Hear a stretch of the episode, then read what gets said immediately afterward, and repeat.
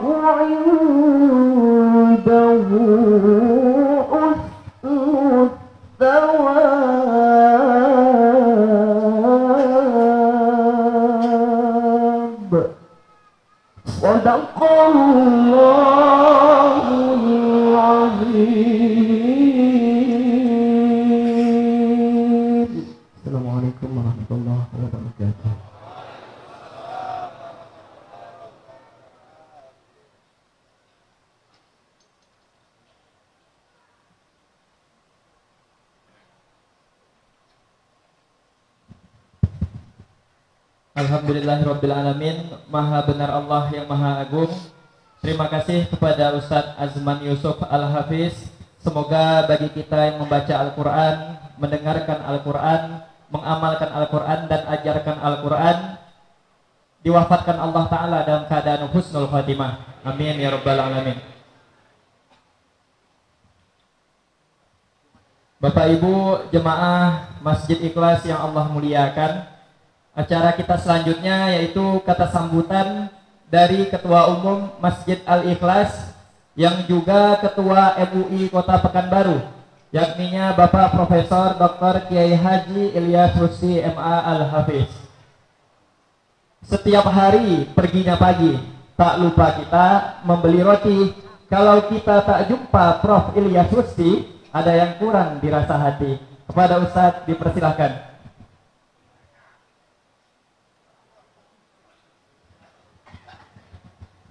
Assalamualaikum warahmatullahi wabarakatuh. Alhamdulillah rabbil alamin. Wassalatu wassalamu ala asrafil anbiya wal mursalin wa ala alihi wa sahbihi ajma'in. Yang kita muliakan Tuan Guru kita Ustaz Haji Abdul Samad LCMA yang kita rindukan biasanya bertemu di layar kaca dan sekarang bertemu langsung. Kalau ada yang tidak bisa bersalaman insya Allah mahniknya sampai ke belakang. Ya saya muliakan para tokoh jadi pandai alim ulama yang hadir bersama kita. Ini ada Pak Dr. Andus Haji Ahmad NSI tokoh kita mantan Bupati Rohul. Alhamdulillah bersama dengan kita. Ada Pak Kapolsek Ya, terima kasih pengurus masjid semuanya, Pak Samsul dan hadirin hadirat para tokoh masyarakat yang tidak bisa sebutkan satu persatu. Saya tidak akan menyampaikan sambutan panjang lebar karena yang kita tunggu itu bukan sambutan saya.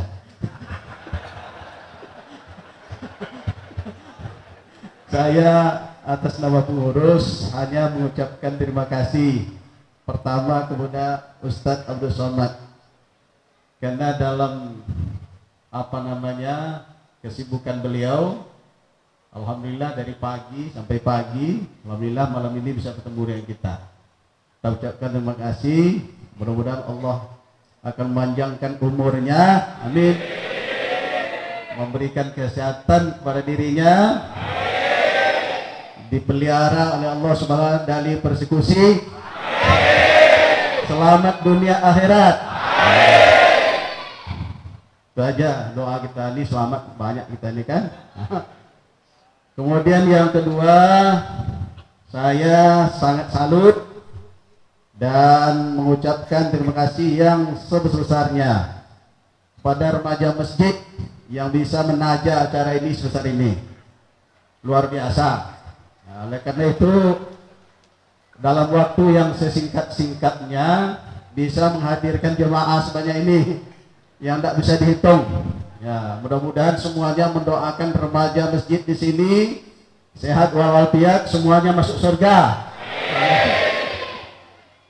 Terima kasih kepada seluruh yang hadir dan mohon maaf karena tempat tidak mengizinkan untuk kita bersenang-senang bernyaman-nyaman di masjid ini. Tadi kami sama-sama sholat di teras.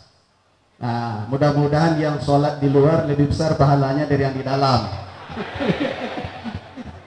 karena kena hujan pula ya. Ah, itu yang dapat sampai kita simak, kita dengarkan, kita bawa intinya untuk pulang. Mudah-mudahan acara kita selamat dari awal sampai akhir. Terima kasih sekali lagi. Mudah-mudahan Allah akan membalas kehadiran kita semua ini dengan balasan pahala yang berlipat ganda. Amin wa alamin. Hidayah. Wassalamualaikum warahmatullahi wabarakatuh.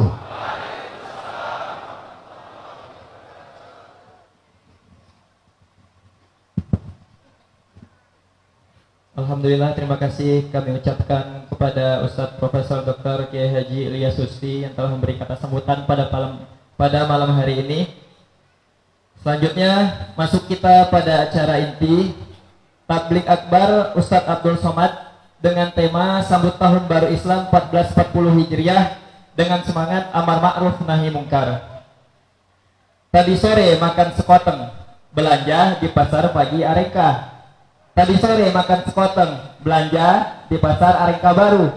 Ustadz Somad memang ganteng, jemaah masjid sudah menunggu. Pakai mukena menutup aurat, menutup aurat membaca ayat.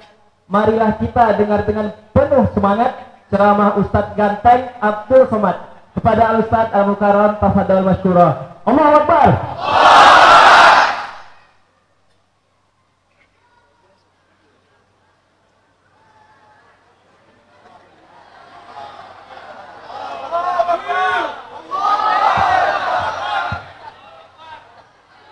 Bismillahirrahmanirrahim. Assalamualaikum warahmatullahi wabarakatuh.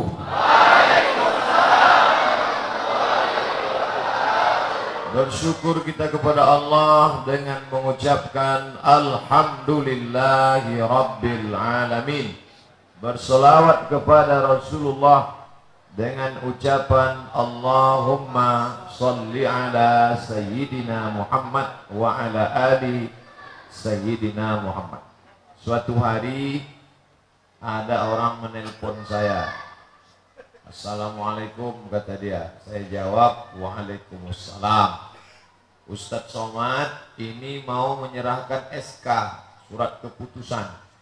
SK apa? SK Ustadz menjadi komisi fatwa. Ini komisi yang paling hebat karena bisa menghalalkan semua yang haram. Komisi fatwa halal. Saya tanya yang ngasih SK itu siapa? Profesor Dr. Ilyas Gusti. Padahal saya tak pernah jumpa dengan beliau. Rupanya beliau kalau menilai orang tak perlu jumpa. Cukup dengar nama saja. Asal dia percaya, dipercayakanlah saya menjadi Komisi Fatwa Majelis Ulama Indonesia. Pisang emas bawa berlayar masak sebiji di dalam peti. Hutang emas dapat dibayar, hutang budi dibawa mati. Mudah-mudahan Allah Ta'ala membalas kebaikan-kebaikan. Dulu kalau Dr. Mustafa Umar pergi ke Malaysia, saya menggantikan beliau di Masjid An-Nur. Suatu subuh saya menggantikan beliau. Judul ceramahnya Bahaya Zolim. Saya pun ceramahlah. Siapa saja yang zolim, maka nanti di akhirat dia akan membayar kezalimannya. Kalau kita zolim sebagai kepala desa, satu desa akan menuntut. Kalau kita zolim satu kecamatan, camat akan dituntut. Kalau kita zolim sebagai bupati, satu kabupaten akan menuntut. Selesai ceramah, datang Bapak Pegawai PU. Ustadz Somad tadi nyebut bupati. Iya, ada tadi bupati tersinggung langsung pulang. Saya bilang saya mana kenal, saya baru pulang. Mana tahu saya mana bupati, mana camat. Makanya Ustadz ceramah akan datang hati-hati kata dia. Iyalah. Sesudah itu tak ada singgung bupati. Tak lama sesudah itu masuklah telepon. Assalamualaikum. Waalaikumsalam. Saya bupati gitu. Ah, ini yang dia tersinggung. Saya udah pucat juga udah. Waktu itu belum viral lagi. Assalamualaikum. Waalaikumsalam. Saya bupati. Ya Pak. Saya udah siap-siap nih kalau ditanyanya. Ada apa Pak? Bisa Ustadz kami bawa ke Islamic Center Pasir Pangarayan Rokan Hulu kata. Oh bisa lah saya bilang. Itulah awal saya ceramah di Rokan Hulu sampailah tahun 2016. 6 tahun saya ceramah bolak-balik ke Pasir Pangarayan. Sampai 2016 yang membawa saya Bapak Dr. Andus Haji Ahmad MSI. Nah, inilah dia.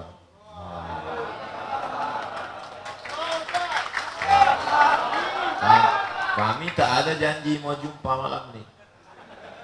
Aku tak pernah mencarimu, engkau pun tak pernah mencari aku. Allah mempertemukan kita. Tengok, langsung keluar air putih. Kemudian hadir pula bersama kita Bapak Kapolsek. Kapolsek, K itu kepala, Pol itu polisi, Sek itu artinya sektor, bukan hubungan kelamin. Kalau kecamatan Kapolsek, di atas itu Kapolres, di atas itu Kapolda, di atas itu Kapolri. Saya belakang-belakangan nih baru tahu. Dulu asal nampak saya pakai baju coklat polisi. Kapolsek, Kapolres, Kapolda, Kapolri. Alhamdulillah keempat-empat tuh sudah pernah berfoto sama saya. Fotonya saya simpan. Asal ada polisi menilang, mau saya tunjukkan. Udah saya siap-siap kan? Ini nanti kalau disempritnya tunjukkan. Sampai sekarang belum pernah. Itu pula. Dulu selalu pernah tilang. Di depan mall SKA itu, karena mau cepat ceramah, membelok saya. Begitu belok, prit. Bayar di sini atau pengadilan? Pengadilan Pak. Dibawalah saya ke pengadilan Jalan Melati. 70 ribu di sidang. Ngantri dari jam 7 pagi sampai jam 11. Sidang 70 ribu. Ingat betul saya. Berkesan. Pokoknya di mana letak keluar duit ingat gitu. Alhamdulillah malam ini berjumpa encik-encik, puan-puan, tuan-tuan, hadirin hadirat. Saya sudah menulis Masjid Ikhlas ini tak ingat berapa bulan yang lalu tapi ada ditulis itu Masjid Ikhlas Omar. Nama Masjid Ikhlas dia kontak janjinya Omar. Saya kalau sudah berjanji tak pernah saya hapus, tak pernah saya buang. Kalau sudah saya janji situ siapa pun mau robahnya tak bisa robah. Tapi saya tak pernah menelpon masjid. Tak pernah itu saya telepon. Saya jadi apa tidak? Saya diam aja. Kalau dia tak menelpon, berarti saya istirahat. Maka saya tak telepon masjid ikhlas, saya diam aja. Semalam baru ditanya, Ustaz jadi tak menjadi? Jadi kata saya. Kapan? Besok malam. Nah, maksud saya, maunya panitia itu, wah ini terlalu mepet Pak Ustaz. Kalau gitu kita batal aja lah maksudnya. Oke lah Ustaz, besok malam menjadi ikhlas. Yalah, bayangan saya paling dua sok ini. Karena persiapannya cepat betul. Rupanya melimpah ruah, Masya Allah. Nah, jadi kalau ada mau mengeluarkan kotak impak, inilah masanya. Keluarkanlah. Nah, mana? Keluarkan, coba sedikit. Jadi Bapak Ibu dulu itu tidak ada kalender. Makanya Nabi Muhammad SAW dilahirkan tahun gajah. Tak ada tahun 1900 sekian, tak ada. Karena orang Arab ini tak tahu membuat kalender.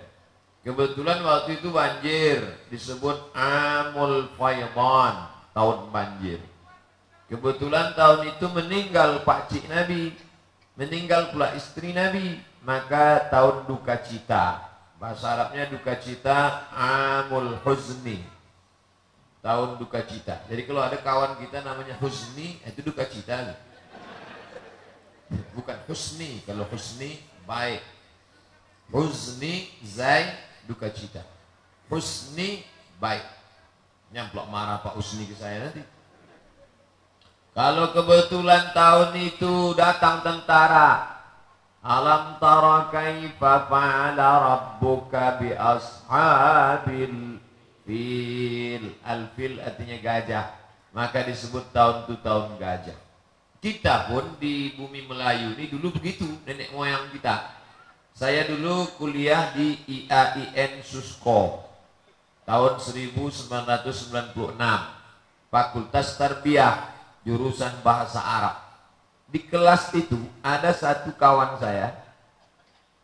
Kalau kenalan dia maju ke depan. Nama saya Anu. Lahir 1976 nama saya Pulan lahir 1976 lama-lama saya penasaran saya tanya kamu kenapa nyebut lahir saja? Kenapa tak tahu tanggalnya? Emak saya tak menulis gitu. jadi tak ditulis tanggal sama bulan. Asal lahir, habis itu lahir. Jadi dari mana tahu 1976? Waktu saya tanya emak saya, kapan saya lahir mak? Waktu kau lahir, pokok kelapa di pasambar petir. Mengaitkan tahun dengan momen, itu ciri masyarakat yang tidak punya kalender.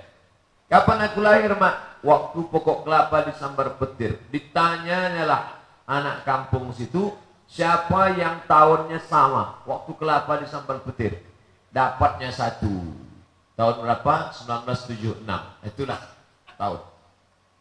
Jadi masyarakat kita pun begitu. Tanyalah atuk-atuk kita. Tuh, atuk kapan lahir? Waktu agresi Belanda kedua. Berarti 1949.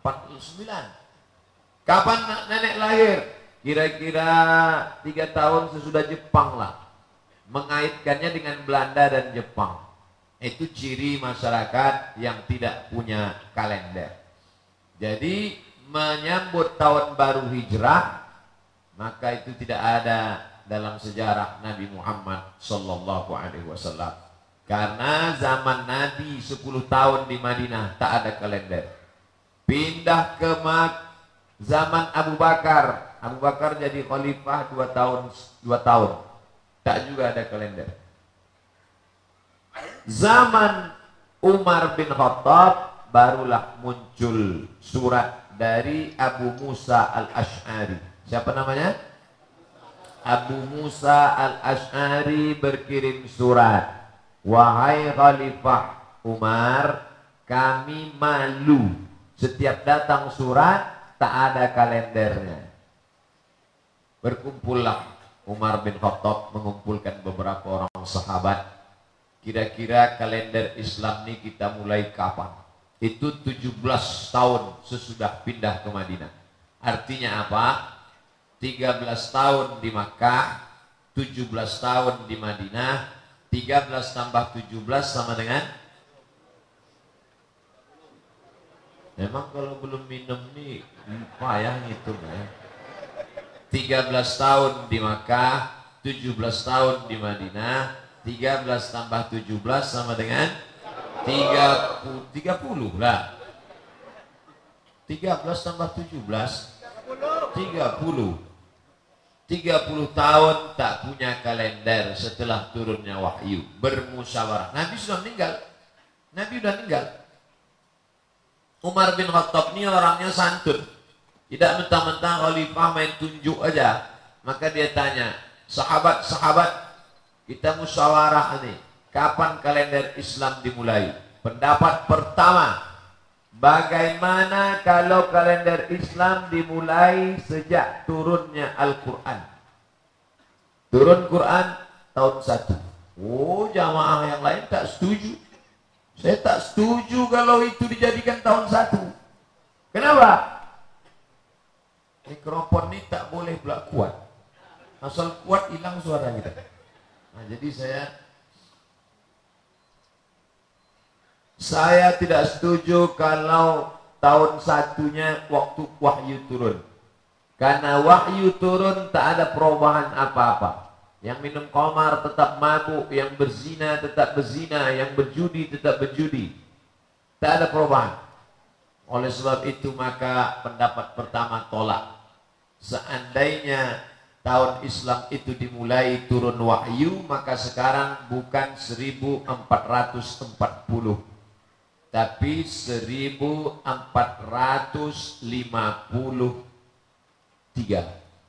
karena wahyu turun 13 tahun di Makkah baru Nabi pindah. 13 tambah. Sekarang kita tahun berapa nih 1440 nanti hari Selasa tanggal 11 September. Meletupnya Twin Tower. Peristiwa 11 September sekaligus nanti menyambut tahun baru hijrah. Jadi seminggu lagi Ustaz seminggu lagi. Kenapa Masjid Al-Ikhlas menyambutnya sekarang? Itulah ciri orang-orang ikhlas kalau orang tak ikhlas sesudah itu baru dia sambut. Kalau ikhlas enggak. Sebelumnya sebelum diminta sudah memberi. Tengok. Masuk duit ke kota kan hebat orang-orang ikhlas. Nah, Bapak Ibu yang dimuliakan Allah. Tak pakai tahun pertama. Batal. Karena turun wahyu tak ada perubahan. Sesuai dengan tema malam ini. Memperingati satu Muharram dengan amar ma'ruf nahi mungkar Quran dinyanyikan. A'udzubillahi minasyaitonir. Bismillahirrahmanirrahim. Tak ada perubahan. Oh, Ustaz mengejek Kori tadi ya? Enggak. Kori itu luar biasa. Saya selalu mendengar suara beliau di RRI. Suaranya melambung-lambung. Malam ini melihat orangnya langsung suaranya mantap, orangnya ganteng pula. Rugilah ibu-ibu yang tak mengangkat dia jadi menantu. Dah, masuk iklan satu. Lalu kemudian ditolak pendapat yang pertama. Ada pendapat lagi? Ada. Apa pendapat kamu? Bagaimana kalau tahun Islam dimulai sejak lahirnya Nabi Muhammad? Oh, ini lebih tua lagi.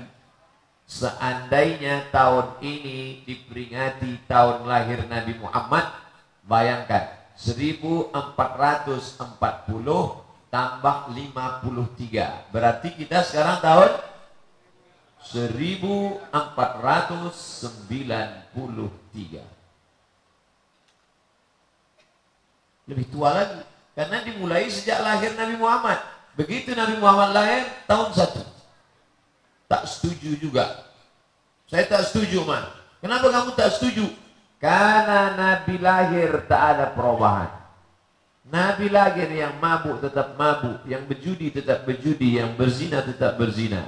Lahirnya Nabi tidak ada perubahan, tidak ada amar ma'ruf nahi mungkar. Nabi baik, tapi untuk dirinya saja. Dia soleh untuk dirinya saja. Tidak ada gerakan massal, gerakan sosial, gerakan berjamaah. Pendapat ini pun ditolak. Musyawarah. Ada pendapat lagi? Ada. Apa pendapat kamu? Menurut saya, bagaimana kalau tahun baru Islam itu dimulai ketika Nabi Muhammad meninggal? Nah, kalau Nabi meninggal, maka tahun kita lebih muda. 1440 kurang 10 berarti 1430 saya tak setuju. Kenapa kamu tak setuju? Karena kalau untung untung. Untung pendapat yang ketiga ini tak diterima. Bayangkan kalau diterima pendapat ketiga. Dimulai tahun baru Islam sejak hari bukan hijrah tahun baru takziah duka cita Pendapat pertama ditolak, turun wahyu. Pendapat kedua ditolak, lahir Nabi. Pendapat ketiga ditolak, meninggal Nabi. Pendapat keempat barulah diterima. Ada ikhtilaf. Yang pertama mengatakan Sayyidina Ali yang punya pendapat ini. Kata Sayyidina Ali, kita pindahkan dari hijrah. Tahun hijrah Nabi, itu yang kita buat tahun satu. Pendapat kedua mengatakan Umar bin Khattab. Tapi ikhtilaf ini tak terlalu besar. Ini masalah furuk, bukan masalah usul, bukan masalah prinsipil, bukan masalah primer. Ini masalah kecil saja. Kata Umar, Al-hijratu tufarriqu bainal haqqi wal batil. Yang memisahkan antara yang hak dengan yang batil adalah hij hijrah. Itulah mengapa tahun hijrah yang diambil. Alhamdulillah. Ini bagian dari ilham. Wahyu sudah putus karena Nabi sudah meninggal. Dengan adanya hijrah itu nampaklah mana sahabat yang asli sayang kepada Nabi mana yang hanya pura-pura basa-basi lipstick dengan hijrah itu nampak siapa yang betul-betul beramal karena Allah yang memisahkan antara orang munafik dengan orang yang tulus ikhlas maka hijrah. Begitu juga dengan malam ini. Malam inilah baru nampak mana pasukan inti dengan mana yang hanya basa-basi.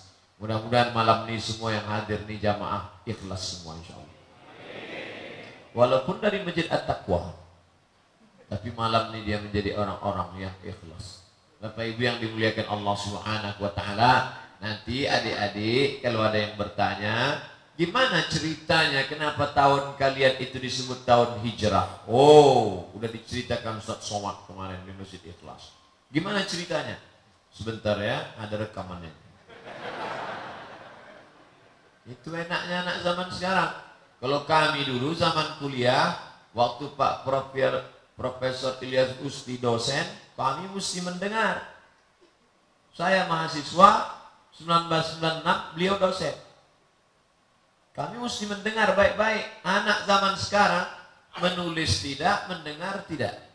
Hidupnya apa? Nah, nyantai deh. Kamu gak nulis? Ada pak. Terus tengok, lobet. Bapak Ibu yang dimuliakan Allah Subhanahu wa taala. Kami dulu tak ada.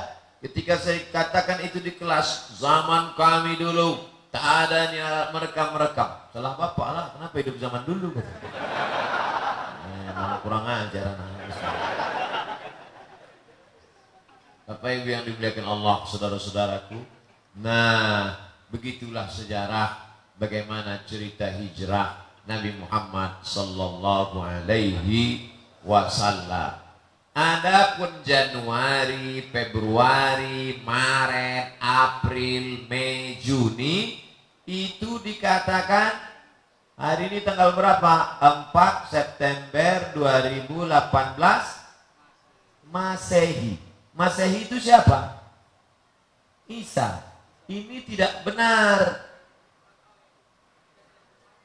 23 Zulhijjah hijrah hijrah betul tak hijrah betul atau tak betul hijrah betul karena memang hijrah Nabi Muhammad tapi mengatakan Masehi tak betul karena itu bukan tanggal lahirnya Nabi Isa 1 Januari itu bukan lahirnya Nabi Isa lalu kalender itu dari mana dibuat oleh Kaisar Romawi namanya Kaisar Julian.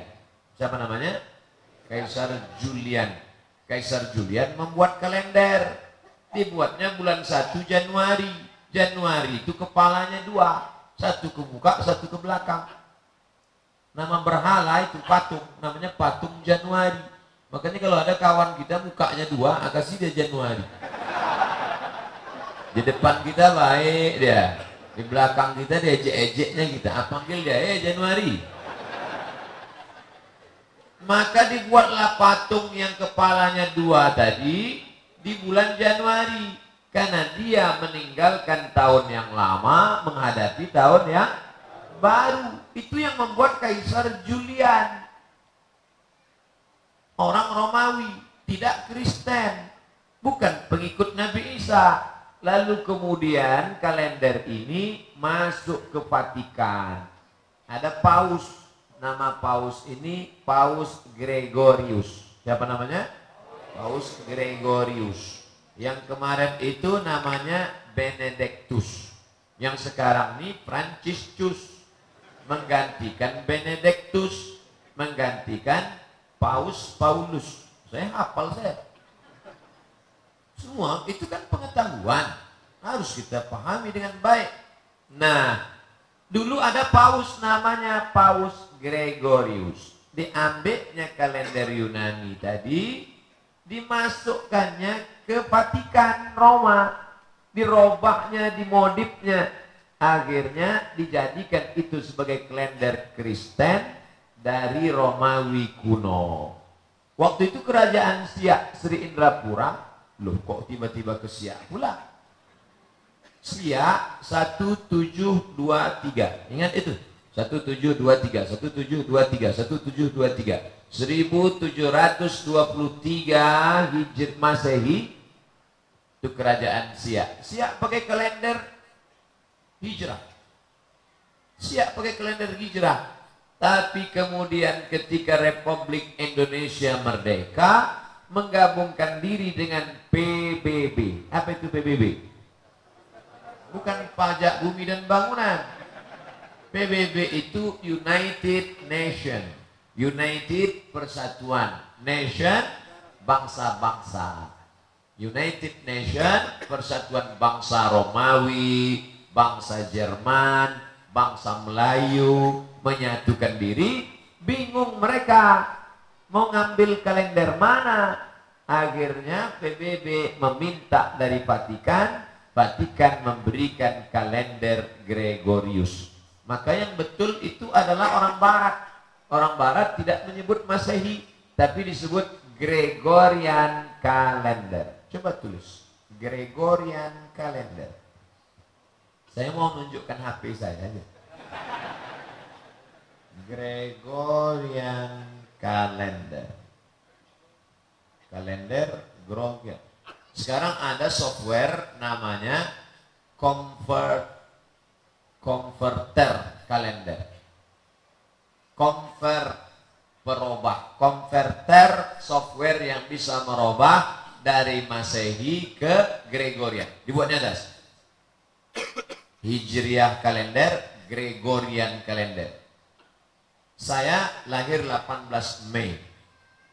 Bagaimana supaya tahu tahun Masehinya? Masukkan situ 18 Mei Gregorian kalender enter langsung dapat sekian.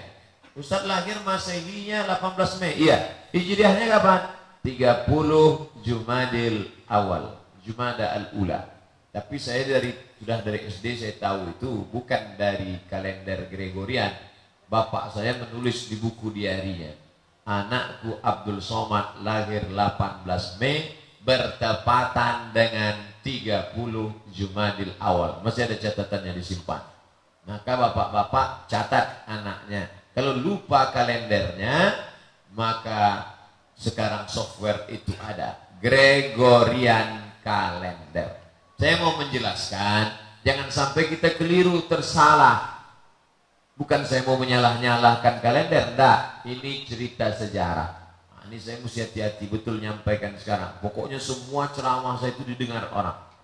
Ada mendengar mau mencari pengajian, ada juga mau nengok kapan dia silap salah. Asal silap nanti kita bully dia. Mudah-mudahan orang-orang yang mencari kesalahan ini didapat hidayah dia. Ya Allah, Orang-orang yang mencari kesalahan ceramah Ustaz Somad ini tiupkan angin hidayah ke dalam hatinya ya Allah. Kalau dia tak berubah juga tiupkan angin puting beliung sekali ya Allah. Ratakan dia dengan tanah ya Allah. Tak boleh. Tak boleh kita doakan yang tak baik. Ini diaminkan pula. Ini nyaman. Dah, dah jelas sudah sejarah. Pertama tadi saya jelaskan sejarah empat sebab kenapa hijrah. Lahir, turun wahyu, mati, hijrah. Yang kedua saya jelaskan perbedaan antara hijrah dengan Julian kalender bermetamorfosa menjadi Gregorian kalender dan puncaknya dari kupu-kupu kepompong menjadi kupu-kupu bermetamorfosa berubah puncaknya menjadi Masehi padahal tidak ada hubung kait dengan Nabi Isa alaihi salam. Jadi nanti jangan latah 1 Januari 2019 Masehi tidak ada hubungan dengan Nabi Isa. Yang tepat adalah 1 Januari 2019 Gregorian kalender. Ustaz tak pakai Gregorian, pakai. Apa salahnya? Somad lahir 18 Mei Gregorian kalender. Tahun berapa? Ah, tahun tak usah lah saya sebut. Kan bisa tebak sendiri. Kira-kira 27 lah kan. Nah, 18 Mei 1977. Sekarang 2018. Berarti berapa tuh? 41 tahun. Insya Allah mati 2040. Kenapa Ustaz bilang 2040? Karena 2040 63 tahun sesuai dengan umur Nabi Muhammad sallallahu alaihi wasallam 63 tahun. Kalau sebelum itu mati, alhamdulillah. Kalau sesudah itu bertambah, alhamdulillah. Orang Islam tak pernah berduka cita. Umur pendek, alhamdulillah, tak bertambah dosa. Kalau mati saya malam ini, alhamdulillah, besok tak bertambah dosa saya. Kalau tidak, besok ke Makassar naik pesawat, bertambah dosa.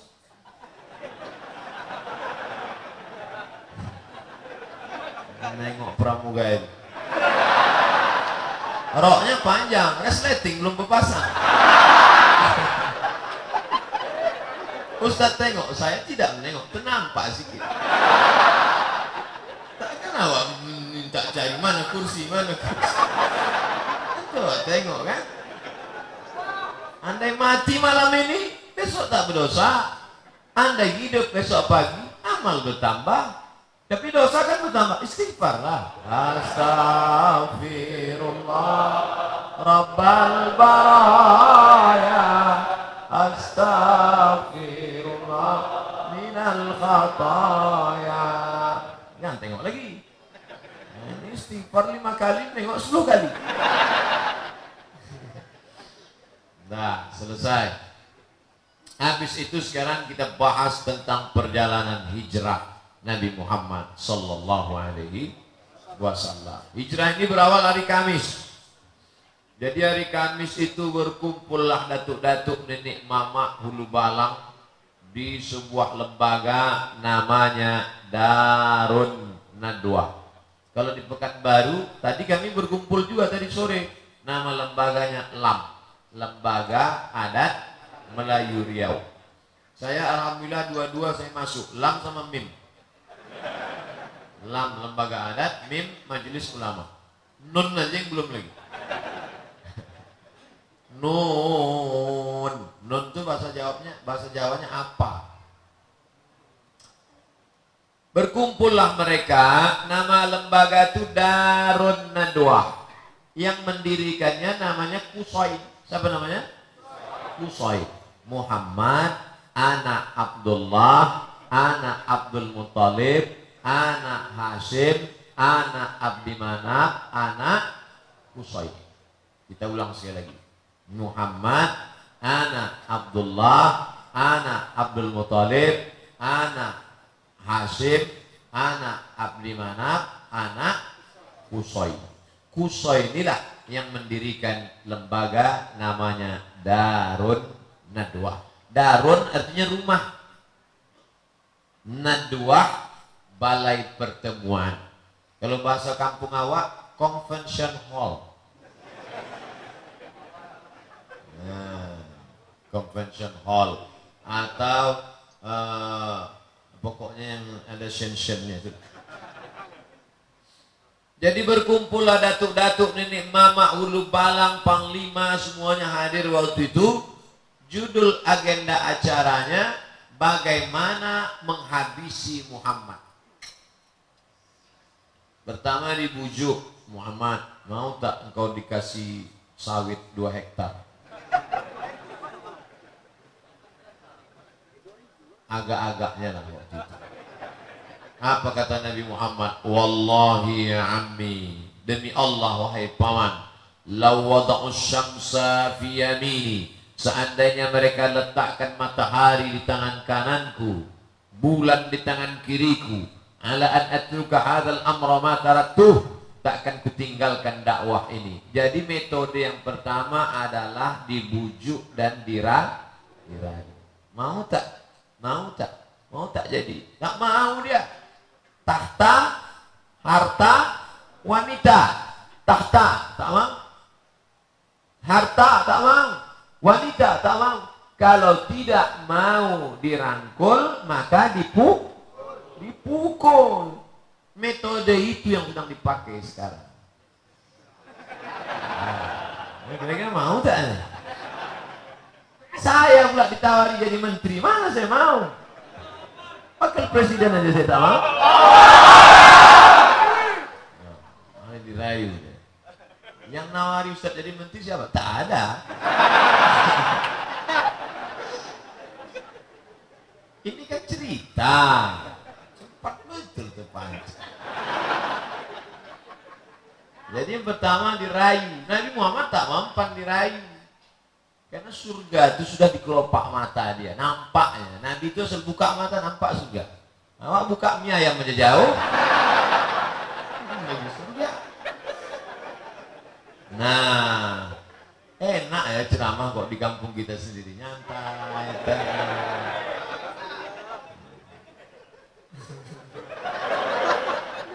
Nah, lalu kemudian tak mempan, maka ini mesti harus dihabisi. Ditambah lagi paman dia yang dihormati itu meninggal dunia.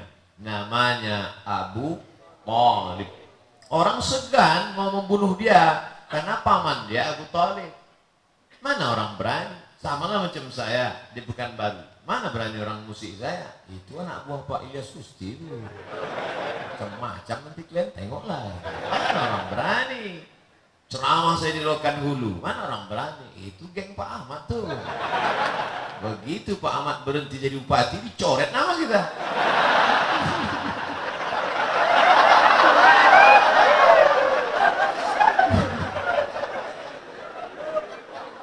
Terbuka pula cerita.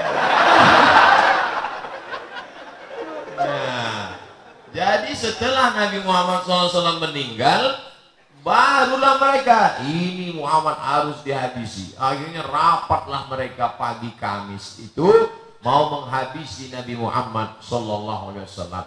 Nama pimpinan sidangnya, nama pimpinan sidangnya namanya Abdul Us. Nama pimpinan sidangnya namanya Omar bin Hisham.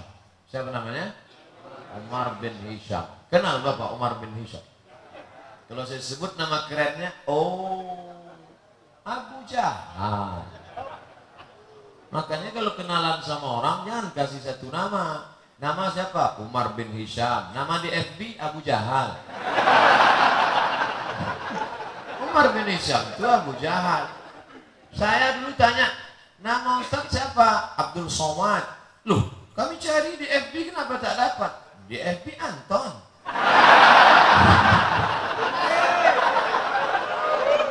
Nah, jadi nama kerennya Abu Jahal. Abu Jahal. Abu artinya bapak, Jahal bonga. Abu Jahal Pak bonga.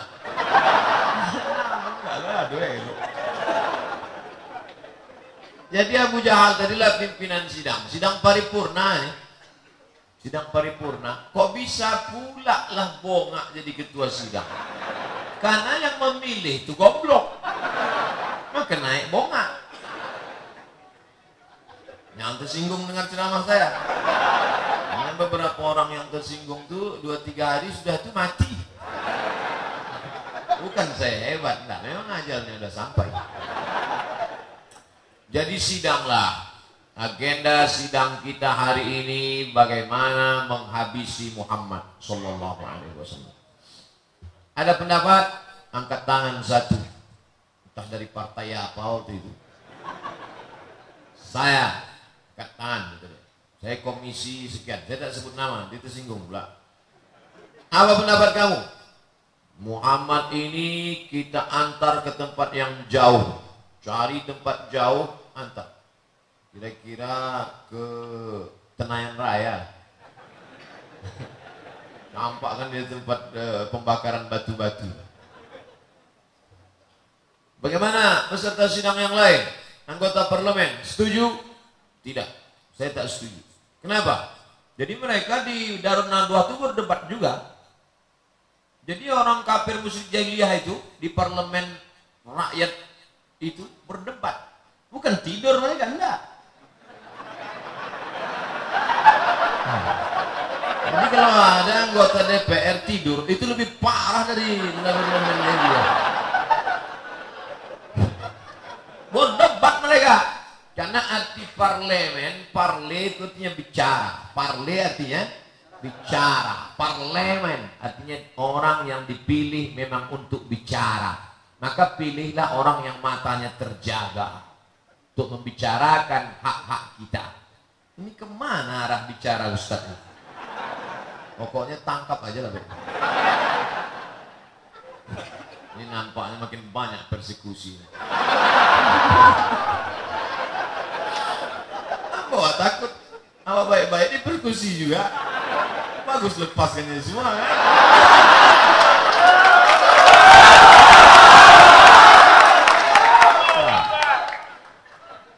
Udah itu tak setuju saya. Kenapa kamu tak setuju? Muhammad ini orangnya karismatik. Kalau sampai kita campakkan dia ke tempat yang jauh itu, tiba-tiba di sana nanti pengikutnya banyak dan dia akan kembali ke Makkah dan kita akan mati dibunuh oleh pengikutnya. Berpikir juga parlemen. Wah, bahaya. Jadi kalau gitu tak usah kita kirim dia, tak usah. Bahaya. Oke, ada peserta yang lain? Ada. Jadi otaknya bekerja mereka.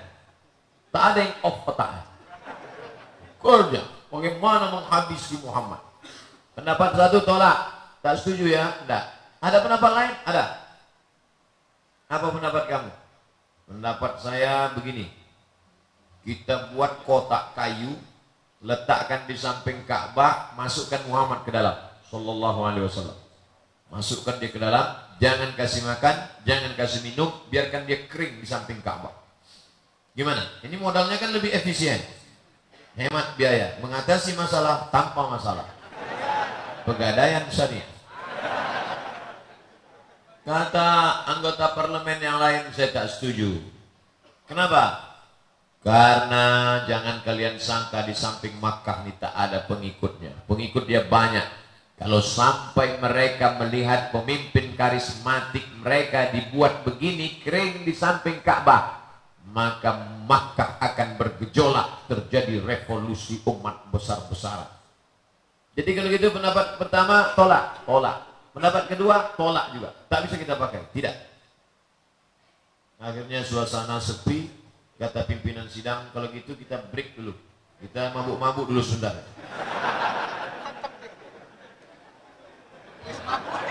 Itu tak ada, saya aja nama-nama. Bismillah.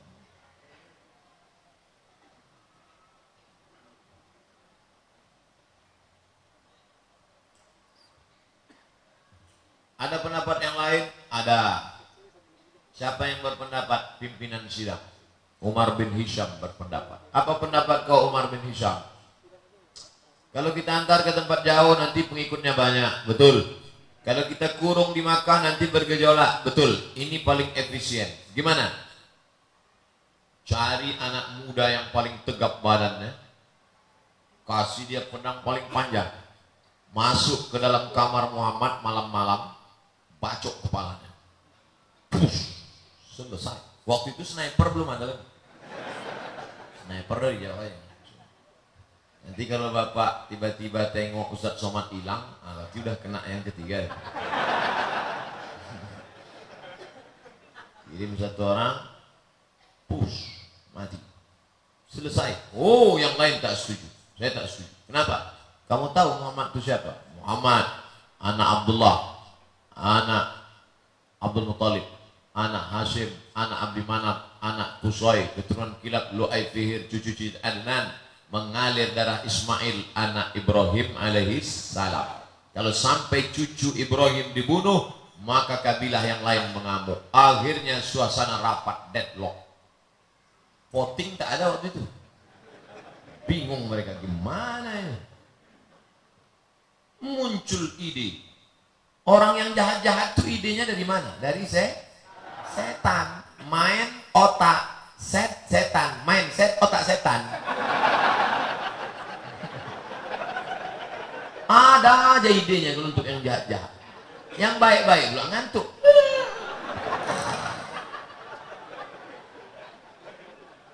yang otak-otak kotor, otak-otak sungsang, otak-otak bekudis, otak-otak bekurak, ada aja ide dia otak. Gas.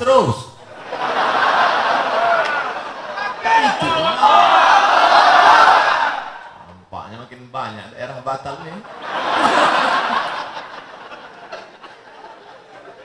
Jadi gimana? Kata Abu Jahal, aku ada ide. Gimana caranya? Jangan utus satu orang. Kalau satu orang yang membunuh, pasti dicari. Kalau satu orang bunuh, dia nanti akan dicari dan satu suku akan ditangkap. Jadi gimana caranya? Satu suku utus satu orang, satu suku utus satu orang, satu suku satu orang. Semua suku mengutus. Kalau semua membunuh, siapa yang mau ditangkap? Inilah ide korupsi berjamaah. Kalau satu, tangkap. Tapi kalau ramai-ramai, siapa mau tangkap? Betul kan? Hmm, banyak yang setuju kan? Akhirnya diutuslah anak muda. Mantap ide ini Abu Jahal. Mantap ide ini, mantap. Akhirnya Kamis dari pagi mereka sidang, Kamis siang ditetapkan, maka hari Kamis ditetapkan setiap suku mengutus satu anak muda, satu anak muda, satu anak muda. Eksekusinya kapan? Langsung dalam waktu yang sesingkat-singkatnya nanti malam malam Jumat. Dengan ini sidang ditutup, ditutup oleh Abu Lah Abu Jahal. Mereka pun tanda tangan untuk pengambilan gaji, uang tunjangan, uang apa segala macam. Habis itu mereka pun balik ke rumah masing-masing. Sidang pun tutup, Darun Nadwah tutup. Prup, selesai. Datanglah Jibril ke rumah Nabi Muhammad SAW. Muhammad, nanti malam engkau hijrah. Kata Nabi, kenapa gitu Jibril? Karena tadi sudah dapat bocoran. Itulah gunanya ilmu sadap menyadap.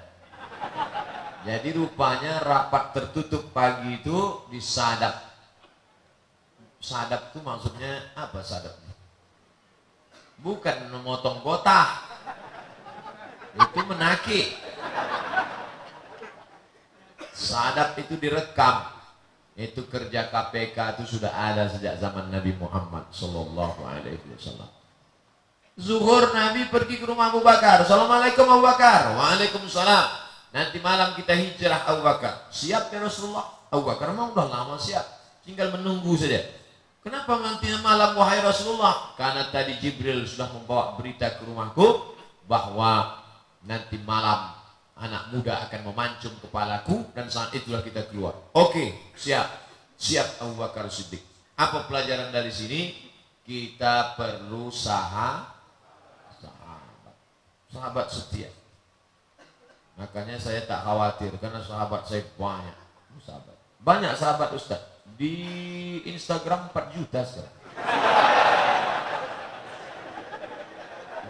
Saya mau ngasih tahu aja follower saya banyak. Di FB sejuta dua ratus. Tapi yang siap mati tak tahu lah. Nah, tak bisa kita one man show sendirian, tak bisa. One man show, main tunggal, tak bisa. Harus ada sahabat ada Pak Kapolsek, ada Profesor Ilyas Susti, dari politisi Pak Dr. Andus Ahmad MSI, dari akademisi Profesor Dr. Ilyas Susti, dari kepolisian Pak Kapolsek. Maka kita berani. Jadi berani ini kan kan ini. Kalau tak ada mereka pucat juga kita. Nah, Nabi Muhammad SAW bisa saja sendirian, tapi Allah mau mengajarkan kita hidup bersahabat, berjamaah. Makanya yang masuk Islam itu tidak sendirian. Idza jaa nasrullahi wal fath wa ra'aitan nasa yadkhuluna fi dinillah afwaja. Afwaja itu berkelompok-kelompok. Maka saya senang malam ini yang datang kelompok. Berikut ini kelompok anak muda, pemuda hijrah. Kelompok anak muda, jembloan sejati. Kelompok anak muda, geng motor syariah. Kelompok anak muda jilbabers, hijabers. Kelompok anak muda pemuda bertatu tobat. Kelompok anak muda banyak. Itu yang disebut dengan waraitan nasa yadkhuluna fi dinillahi afwaja. Apa nama geng kalian? Afwaja. Mantap. Nah, lalu kemudian Abu Bakar sudah siap. Nanti malam ya Abu Bakar. Ya, Nabi pulang ke rumah, siap-siap siap-siap siap, packing-packing barang. Lalu kemudian malam itu habis Isya dia tidur. Nabi itu tidurnya habis Isya. Kita tak pula tidur habis Isya. Ah, insya Allah ceramah ini tak lama nih, biar cepat kita tidur. Nabi tidur setelah Isya biar supaya mudah tahajud malam. Kenapa kita sekarang payah tahajud? Karena habis Isya acara, acara, acara, acara.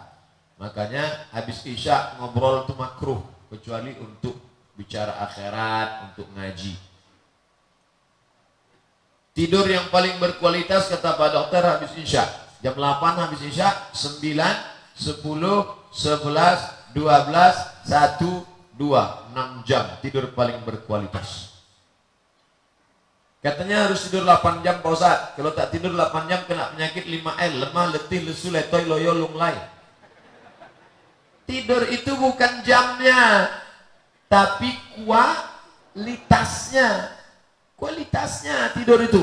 Coba tengok kawan-kawan kita security yang malam tak tidur. Siang tidur dia dari jam 6 pagi sampai jam 6 petang sholat jamaah takzim semua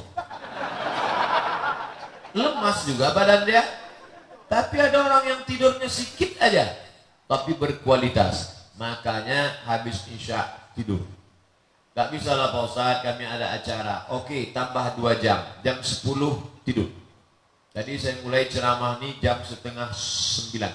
Sekarang sudah jam setengah sepuluh kurang sepuluh. Berarti saya sudah ceramah 50 menit. Hmm, kejap lagi habis nih. Nah, lalu kemudian Nabi pun tidur habis Isya 9, 10, 11, 12, 1, 2. Pas jam 1 jam 2 dia pun bangun, keluar dia dari kamar. Waktu keluar dari kamar, anak-anak muda sudah siap menghunuskan pedang, mau masuk memancung kepalanya. Saat dia keluar itulah terjadi mukjizat. Waja'alna min baini aidihim saddan wa min khalfihim saddan fa'aghshaynahum فهم لا يبصرون وجعلنا من بين أيديهم سدا di depan mereka tembok wa min khalfihim sadda di belakang mereka tembok fa kami tutup mata mereka fahum la yubsirun mereka tak bisa menengok Muhammad Nabi buka pintu Nabi lewat mereka macam orang kena pukau dan dipotong pula mengamuk dilemparkan Nabi pasir ke kepala mereka. Nabi pergi setelah Nabi pergi baru mereka terbangun pegangnya kepala. Eh pasir. Masuk mereka ke dalam mereka mau cincang tempat tidur Nabi. Buka dulu selimut coba buka dulu. Begitu dibuka selimut Sayyidina Ali. Ali! Ya Muhammad mana? Mana? Aku tahu kata dia ah ini ayat kalau baca Yasin nanti cerita tentang Nabi keluar itu ayat dalam surat Yasin itu cerita tentang Nabi keluar malam hijrah bukan itu ayat mantra Nah, ini dibaca pula biar supaya tak kena razia. Kebetulan SIM mati. STNK belum perpanjangan. Pas nampak polisi razia, waja'alna min baini aydihim sadda wa min khalfihim sadda. Fa fa hum la sedap disemprit Pak Kapolsek. Semprit kok nggak mempan ya Pak Ustad, oh, sama-sama ngaji. Mana mempan? Aku baca itu juga kata Pak Kapolsek. Kecuali polisinya hantu. Barulah mempan. Makanya uruslah sim. saya saya urus SIM. SIM A, SIM C tak pernah saya tinggal. Walaupun saya naik helikopter tadi. Saya mau kasih tahu aja. Urus SIM tuh. Kalau pakai helm, yakinkan sampai berbunyi klik. Klik, baru jalan. Kemarin waktu naik motor di Pematang Rebah, klik sampai tempat asrama, tak pula bisa buka. Dipotong pakai pisau. Cemas saya. Cemasnya tak berapa, malunya itu. Sempat viral, helm tak terbuka. Nah, lalu kemudian keluar Nabi ditanya mereka ke mana Ali? Aku tak tahu kata Ali. Nabi pun langsung ke rumah Abu Bakar Siddiq. Abu Bakar pun menemani Nabi Sallallahu Alaihi Wasallam. Naiklah mereka ke atas nama bukitnya Jabal Hur. Fa, fa. Jabal Hur. Kalau tempat Nabi menerima wahyu Jabal Nur. Tulisannya sama. Alif, lam, garis, waw, ra. Yang satu titiknya satu. Nur. Yang satu titiknya tiga. Tur. Bukan saur. Letakkan ujung lidah di gigi atas. Payah bahasa Arab nih Pak Ustaz. Tur itu ada dalam bahasa Inggris. Fa. Health. Health. WHO. World Health Organization. Kan tak ada dalam bahasa. Bahasa kita tak ada. Tak. Saya suka Ustaz Somad. Ada. Bahasa Arab ada. Pak. Hari apa ini? Hari Selasa. Yaumul Thulatha.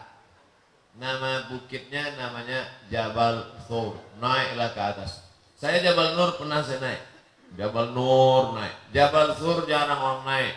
Bukitnya terjal, tinggi ke atas.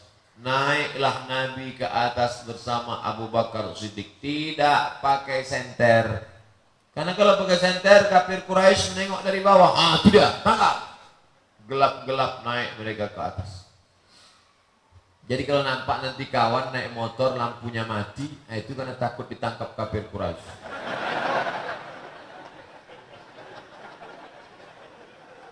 naik mereka ke atas tengah malam gelap jam 2 malam jam 3 malam sampai ke atas Nabi udah mau masuk ke dalam Jabal Sur ada gua kecil mau masuk Nabi ke dalam ditahan Abu Bakar. Jangan ya Rasulullah. Kenapa ketahui Nabi?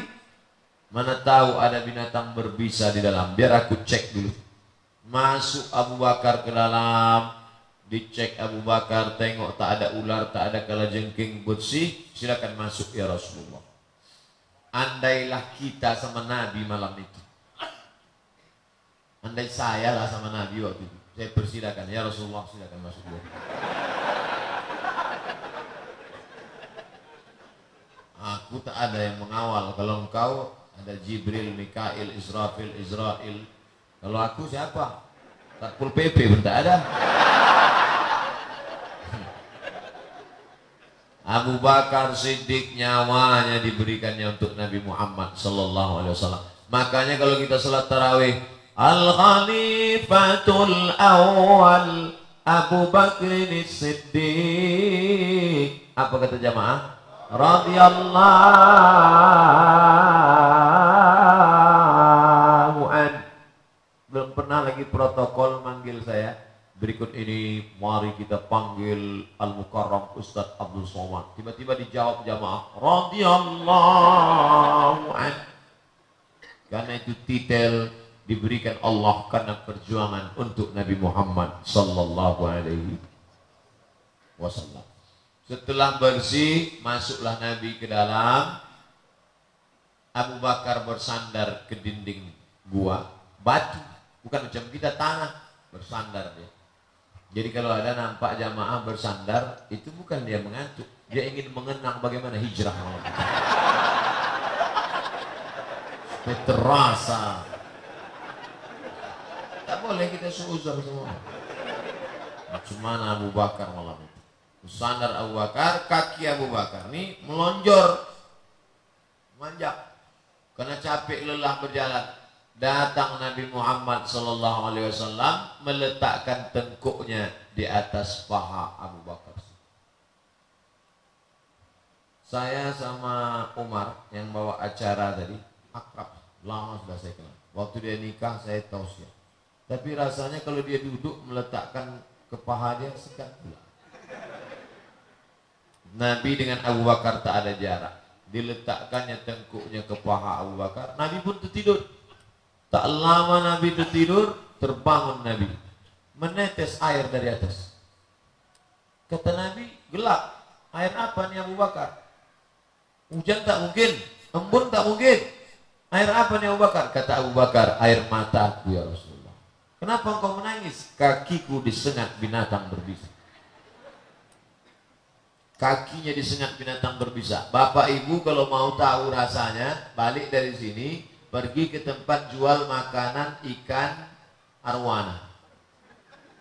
Beli lipan agak tiga biji. Nah, kalau mau merasakan bagaimana Abu Bakar malam itu. Kakinya bisa dia tahan, tak bergerak kakinya. Memangku kepala Nabi Muhammad SAW. Bisa tak bergerak? Andai kita lah yang mangku malah melompat. Mohon maaf ya Rasulullah tak tertahan gila-gila. Abu Bakar kaki bisa ditahan. Tak bergerak kakinya, disengat binatang tak bisa ditahankannya. Tapi ada satu yang tak bisa ditahannya, air air mata tak bisa. Tak bisa ditahan. Makanya kadang kita tengok anak-anak muda di kantin kampus itu menangis, menengok lontong. Kau nangis kenapa? Galau Pak Ustaz. SMS nggak dibalas, telepon nggak diangkat. Pret. Mental kerupuk. Baru menghadapi itu gimana mau melawan Israel? Maulah pakai pampers. Oh gitulah Abu Bakar Siddiq menahankan sengatan. Satu yang tak bisa ditahan air mata. Tapi sekarang ada ibu-ibu yang bisa menahan air mata. Waktu meninggal lakinya tak nangis ya. Tanya, ibu tak nangis? Tidak, Ustaz. Kenapa? Udah lama aku tunggu.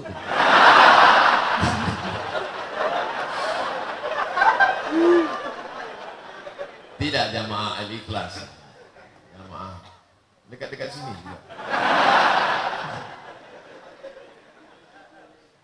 Lalu kemudian sampailah pagi malam apa tuh? Malam Jumat, malam Sabtu, malam Ahad, tiga malam, tiga hari, tiga malam mereka transit di sana.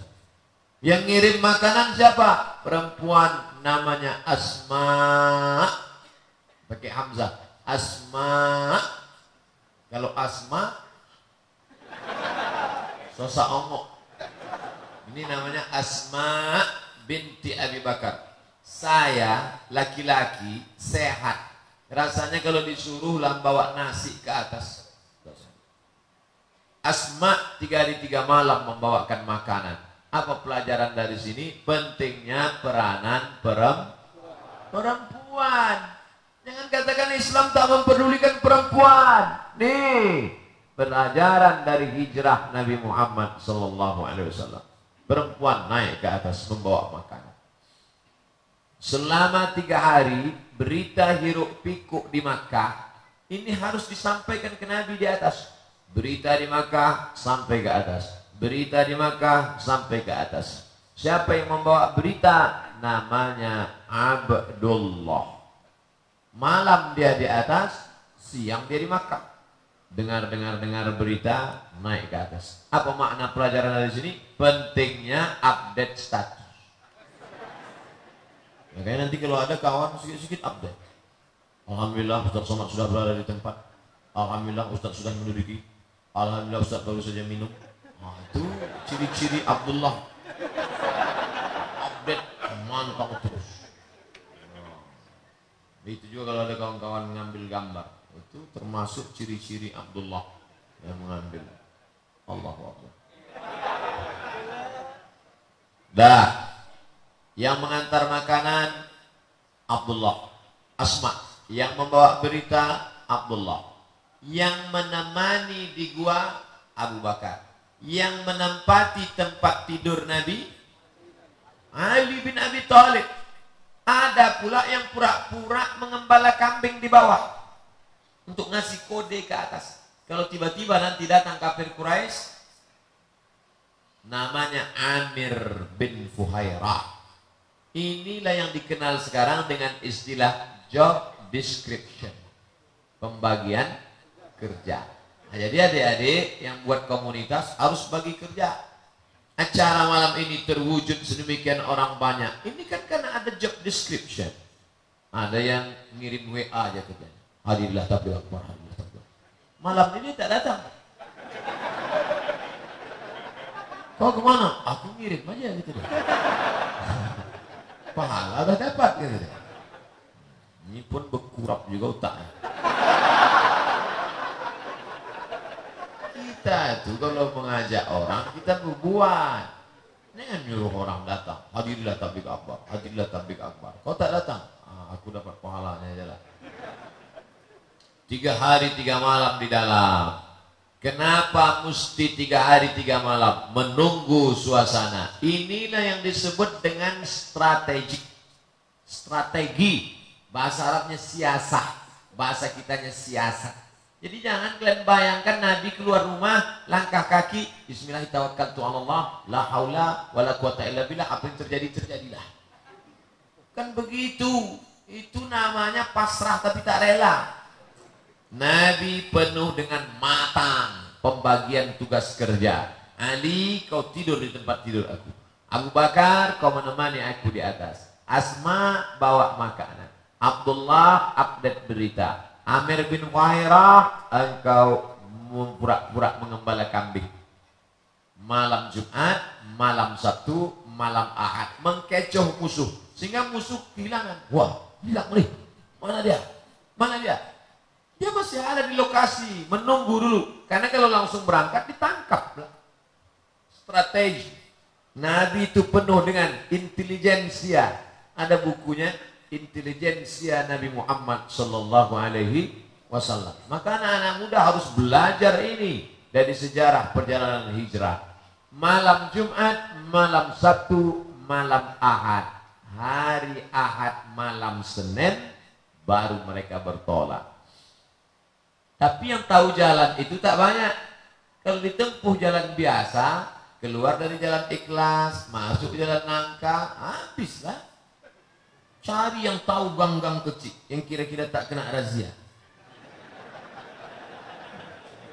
Yang tahu jalan itu seorang bernama Abdullah bin Uraiqid. Ingat namanya, Abdullah bin Uraiqid. Pakai kop sama to. Uraiqid dan dia itu non muslim walaupun namanya Abdullah tapi dia non muslim Abdullah bin Uraiqid apa pelajaran dari sini? Boleh berkawan dengan non muslim kalau tidak membahayakan. Nah, jadi jangan. Dia non muslim hancurkan rumahnya. Larikan pacarnya. Nabi berkawan dengan Abdullah bin Uraiqid 8 hari 8 malam dari kota Makkah menuju Madinah yang menunjukkan jalan non muslim makanya berkawan dengan non muslim silakan. Bertetangga dengan non muslim tak apa-apa. Nikah dengan non muslim syarat dan ketentuan berlaku. Makan dengan dia? Tengok rumah makannya dulu. Sederhana tak apa-apa. Bare solo tak apa-apa Tesalonika babi panggang Jangan. Ustaz kok tahu? Saya selalu lewat situ. Nah, oleh sebab itu maka berkawan dengan beda agama tidak apa-apa. Wala ana abidun ma'abadtum wala antum abidun ma'abud lakum dinukum. Ini dasar Islam. Lalu kemudian mereka pun melanjutkan perjalanan. Abu Bakar Siddiq penunjuk jalannya Abdullah bin Uraiqid Nabi Muhammad wasallam. Tentu ada duit ongkos biaya perjalanan. Siapa yang menanggung biaya hijrah? Abu Bakar Siddiq punya emas. Emas disimpan dalam kain. Ini kain Ini emas. Emas kalau dimasukkan ke dalam kain memuncul nampak kain. Datanglah ayah Abu Bakar. Nama ayahnya itu Nama ayahnya Abu Kuhafah. Nama siapa nama ayahnya? Abu Kuhafah. Ingat Abu Kuhafah. Abu Kuhafah ini tak Islam. Benci sama Nabi Muhammad. Datang dia menjumpai Asma. Asma, ya, ayah kau mana? Ayah sudah pergi sama Muhammad Sallallahu Alaihi Wasallam. Mana emasnya? Aku curiga jangan-jangan emasnya sudah dibawa Muhammad ini.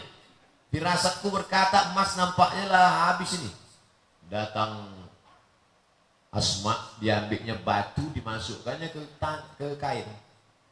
Atau oh atau kata Asma. Atau ya coba tuh pegang. Dipegang atau tadi. Ini emasnya, iya tuh. Oh masih banyak ya. Padahal batu itu boleh membohongi orang buta yang bongak, tolol, goblok. Siasat, ini sedang siasat ini. Akhirnya Abu Quhafah itu masuk Islam juga. Tapi nanti setelah 8 tahun hijrah pindah balik ke Makkah baru dia masuk Islam. Abu Quhafah masuk Islam. Makanya jangan nonton cuman CD kedua, CD ketiga masih ada. Pegang ini emasnya ya. Padahal batu emas itu sudah dibawa perjuangan. Makanya nanti kalau ada ustaz ceramah istrinya mencaci maki Abu Bakar itu ciri aliran sesat mencaci maki Abu Bakar. Abu Bakar pengkhianat. Abu Bakar merampas kekuasaan Ali. La tasubbu ashabi, jangan kau caci maki sahabatku. Lau anfaqa ahadukum mithla Uhudin zahaban.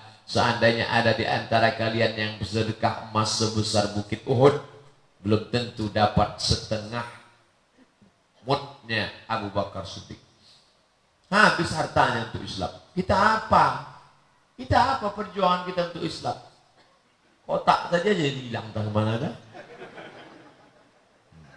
Keluarkan kotak tadi balik. Ini udah cerita-cerita emas nih, saya yakin ibu-ibu sudah siap nih. Mana dia Ustaz? Dia?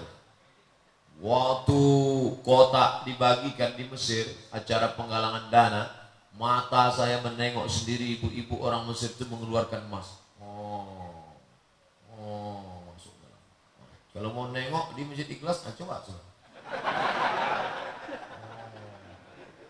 Oh. oh, besok pas dibawa ke Ramayana, rupanya imitasi. Orang yang bersedekah emas imitasi masuk surga, surganya imitasi. Dah, lalu kemudian mereka pun melanjutkan perjalanan. Sampai di tengah perjalanan, tiba-tiba nampak abu. Abu. Bahasa Indonesia-nya apa tuh? Debu. Debu abu. Ya Rasulullah, ya. Aduh, abu ya Rasulullah.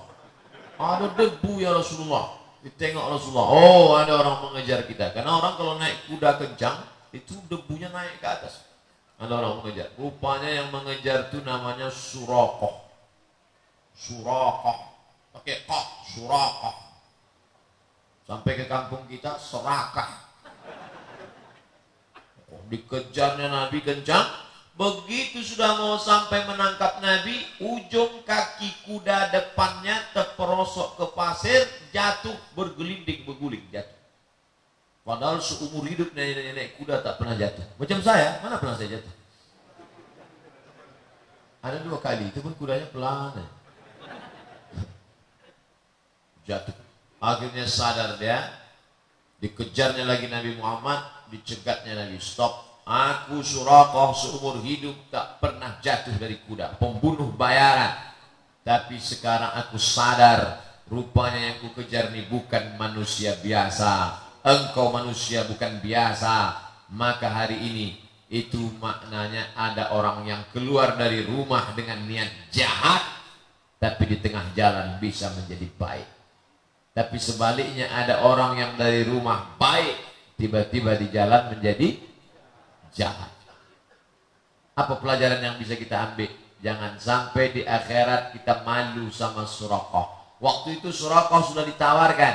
Kalau kau bisa membawa kepala Muhammad, kau akan dikasih 100 ekor onta. Satu ekor onta paling murah 30 juta. Itu pun onta-onta yang udah berkurang lah itu. Kalau satu ekor onta 30 juta kali 100 berapa? 3 miliar mas bro. 3 miliar. Kalau onta yang mahal yang bagus 70 juta, 7 M. Mau berangkat dari rumah niat kepala Muhammad 7 M, kepala Muhammad 7 M, kepala Muhammad 7 M. Tapi begitu jatuh dia menemukan titik baliknya tak ada harga 7 miliar. Apa kata Nabi? Aghib anna Suraqah kau balik ke Mekah jangan ceritakan tentang kami. 7 miliar tak ada harganya tapi ada kebahagiaan yang dapat tak dapat ditebus dengan harta. Apa dia? Iman. Apa dia? Kelapangan dada. Oleh sebab itu maka kalau ada orang mengatakan semua bisa dibayar dengan uang ada yang tak bisa dibayar dengan materi. Kebahagiaan hati kelapangan yang dirasakan oleh Suraqah saat itu. Apa pelajaran yang perlu kita ambil? Ada orang keluar rumah niatnya mau memancung Muhammad sallallahu alaihi wasallam. Ada orang keluar rumah niatnya mau dapat cari harta haram, tapi di tengah jalan dia bertaubat. Betapa malunya dari rumah niatnya. Bismillah tawakkaltu 'ala Allah. La haula wala quwata illa billah sampai ke tempat itu. Tak usah ada cerita. Dia makin banyak orang sakit hati. Lanjut perjalanan. Lanjut. Berapa lama perjalanan ini Pak Ustadz? Berangkat hari Ahad malam Senin sampai di Kuba hari Senin.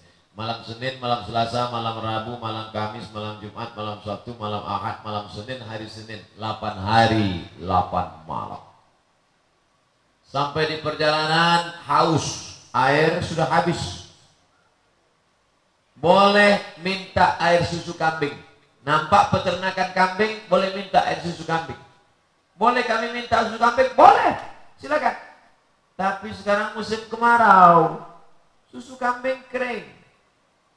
Tapi kalau mau tes lah, di situ terjadi mukjizat. Ketika diperah oleh Abu Bakar, Nabi berdoa, didoakan Nabi tiba-tiba ada air. Keluar air susu kambing satu gelas. Abu Bakar menyapu bagian bawah. Bagian bawah itu disapunya. Nah, kenapa disapunya? Dia tak mau ada pasir menetes kena ke pakaian Nabi. Tengok adab Abu Bakar. Dapat air minum, disapunya bagian bawah, dibikin ke Nabi. Lalu Nabi pun meminum air susu itu. Apa kata Nabi? Fashariban nabiyyu hatta irtawaitu. Nabi meminum air itu sampai hausku hilang. Saya waktu membaca itu, Nabi minum air itu sampai hausku hilang. Yang minum siapa? Nabi. Yang hausnya hilang? Ini salah cetak. Nabi minum sampai hausku hilang. Sekarang kita tes.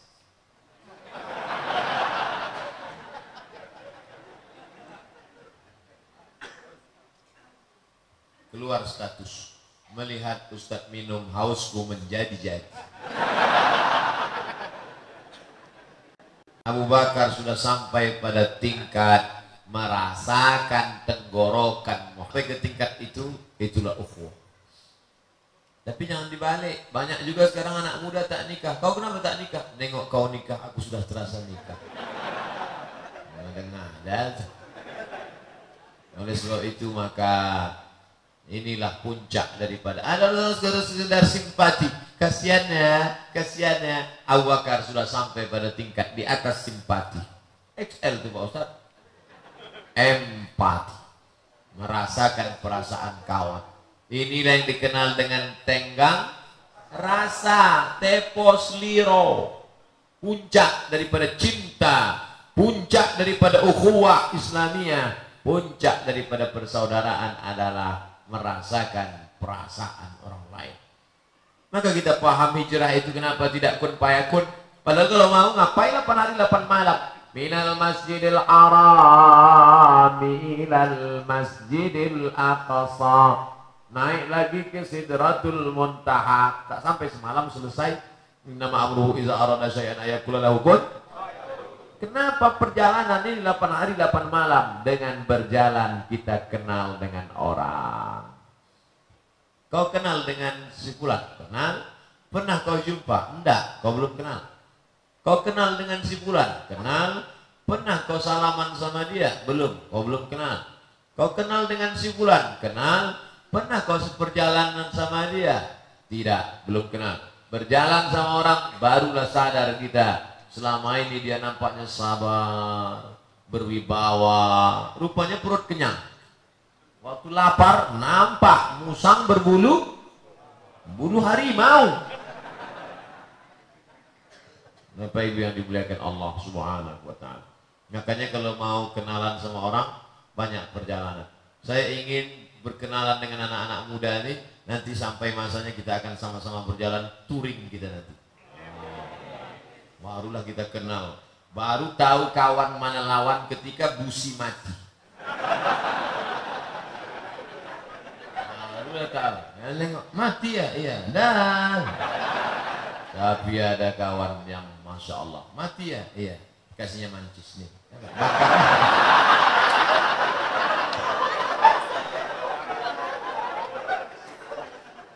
Ayo bro, kata dia. Kudorong dari belakang, diulurkannya kakinya. Ayo demi engkau. Gak ada lo gak rame.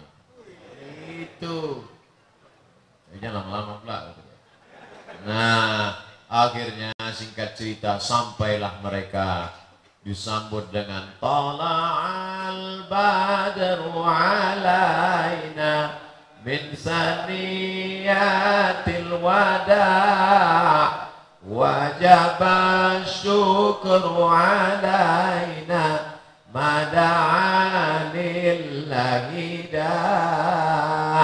Terjadi ikhtilaf tentang tolak al-badru alaina. Sebagian mengatakan sanatnya tak sahih Mau sahih tak sahih yang jelas bahwa ada kebahagiaan menyambut kedatangan Nabi Muhammad Sallallahu Alaihi Begitu dulu sahabat Nabi datang disambut tolak al-badru alaina Ustadz Somad datang ke rumahnya, disambutnya dengan lagu Jatuh Bangun Aku Mengejarmu.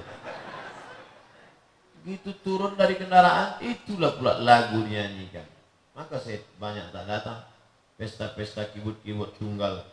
Sekarang Alhamdulillah, sudah banyak pesta-pesta di Pekanbaru, tidak lagi pakai lagu-lagu maksiat. Sudah pakai lagu-lagu religi. Hmm.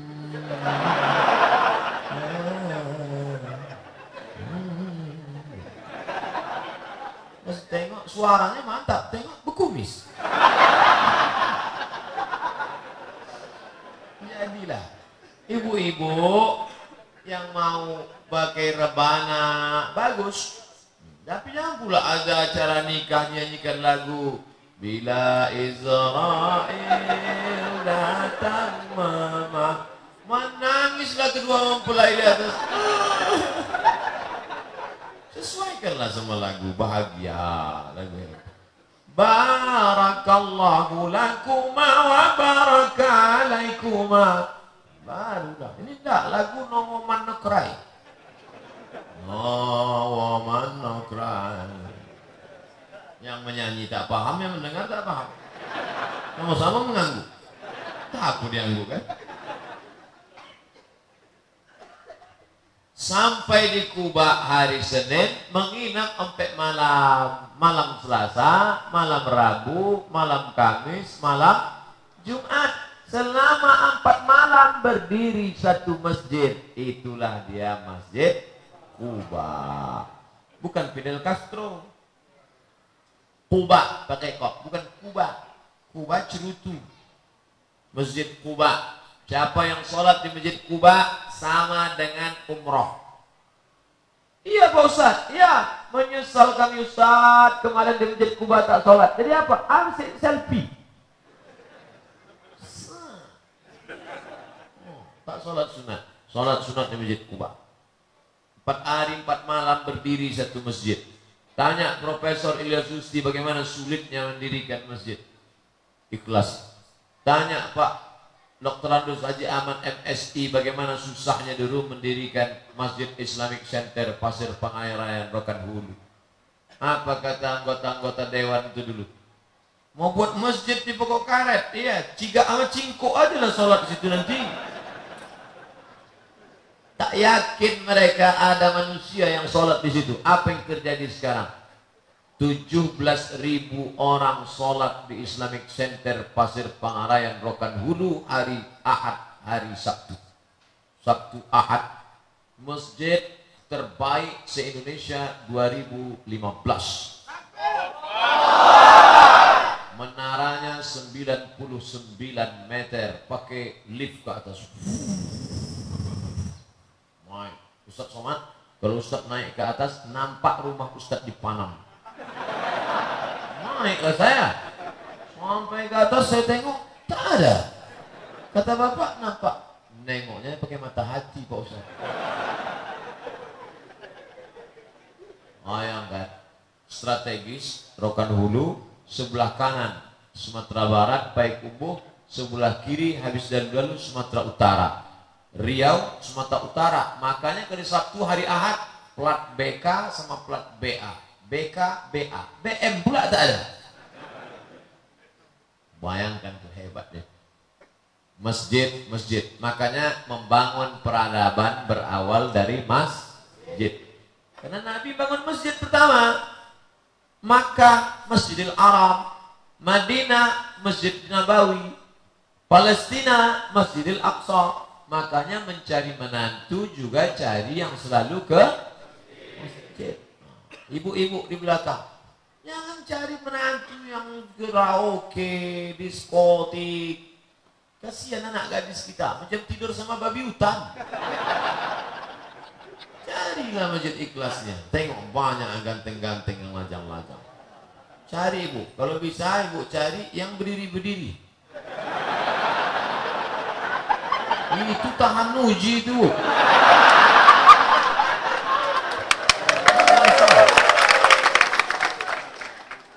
Tadi mulai ceramah jam setengah sembilan, sekarang jam sepuluh. Sudah sembilan puluh menit saya ceramah. Tak terbayangkan di mana kesemutannya itu. Tapi mereka, mudah-mudahan anak-anak lajang ini ditemukan dengan jodoh yang baik.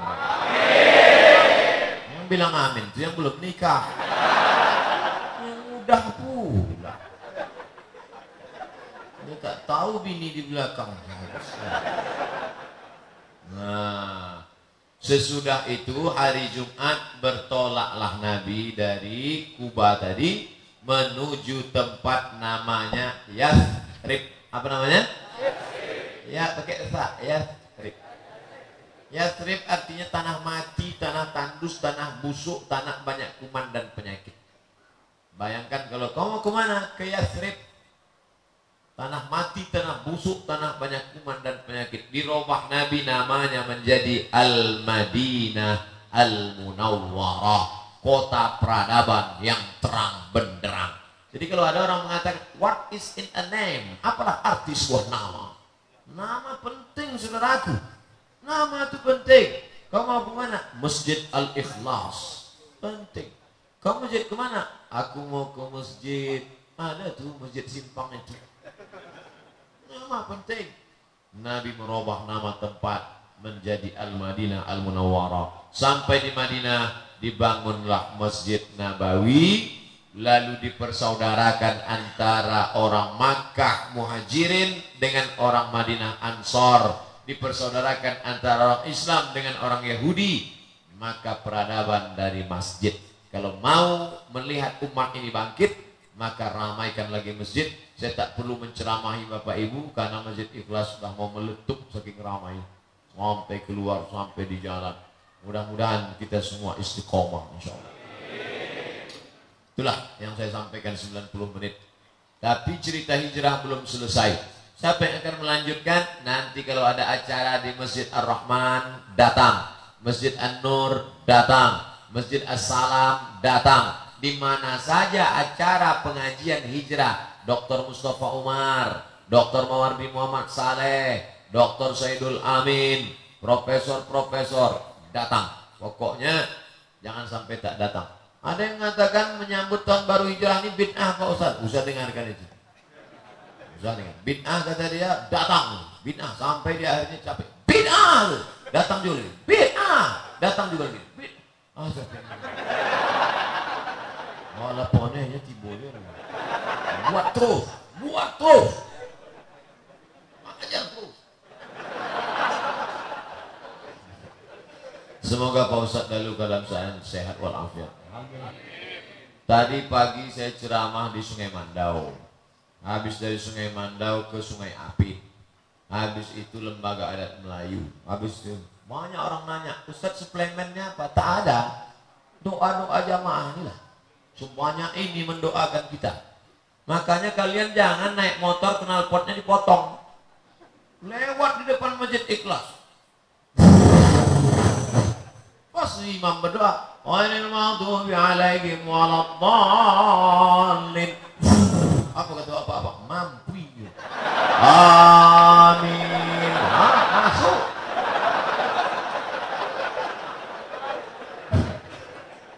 Kita ini hidup dari doa orang. Jumpa sama profesor, Pak Prof, doakan saya. Jumpa sama jamaah-jamaah, doakan saya. Sama anak-anak kecil itu doakan. Jangan sampai doakan orang kita mati tegak.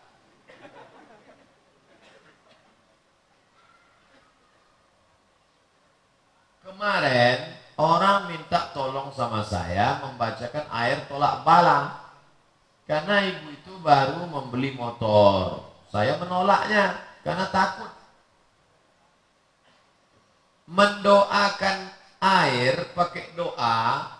Ini air dibacakan Fatihah dibacakan ini air dibacakan Fatihah habis itu ditiupkan setelah diteliti di Jepang molekul-molekul air indah bercahaya itu menunjukkan ada efek pengaruh doa terhadap air dalilnya mana? Abdullah bin Abbas.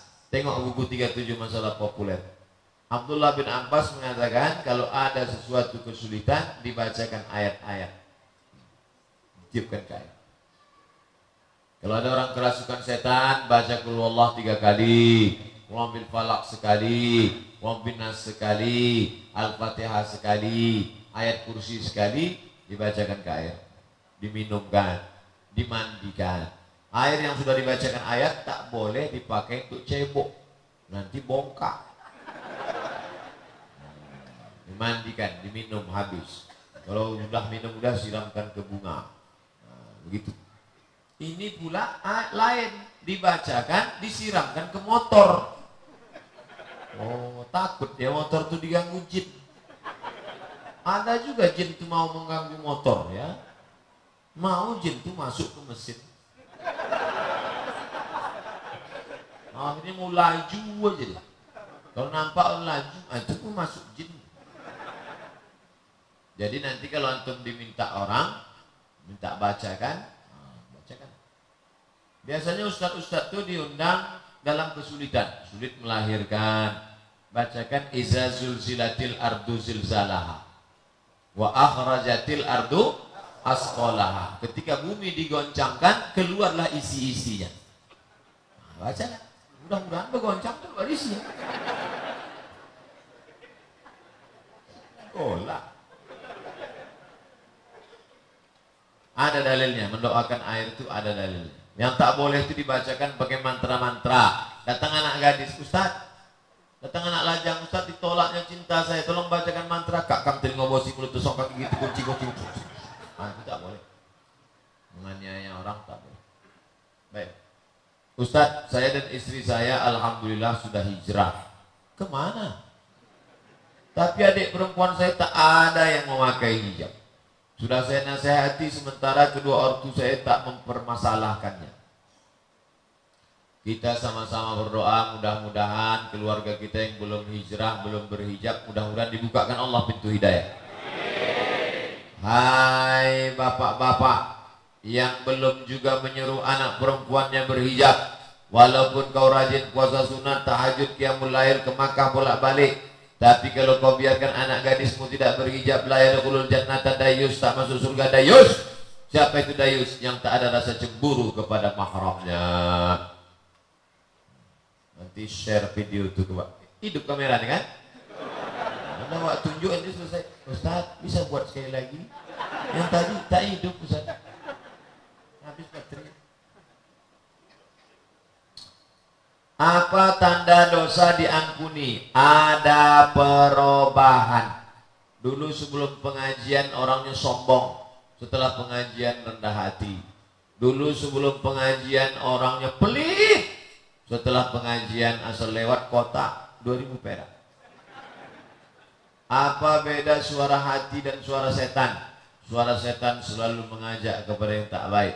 Ayo berzina, ayo makan haram, ayo mencuri, ayo mengganggu. Sedangkan suara hati wa alhamaha fujuraha wa taqwaha. Kami berikan dia jalan fujur dan jalan takwa. Ustadz mohon doa agar saya dan suami segera diberikan keturunan anak-anak yang soleh dan solehah. Nanti di akhir majelis kita berdoa mudah-mudahan yang belum menikah ditempatkan jodohnya. Yang sudah menikah diberikan anak yang baik-baik para penghafal Quran. Apa boleh merencanakan pernikahan dengan perhitungan tanggalan Jawa? Contoh nikah pada Kamis manis, Jumat Kliwon.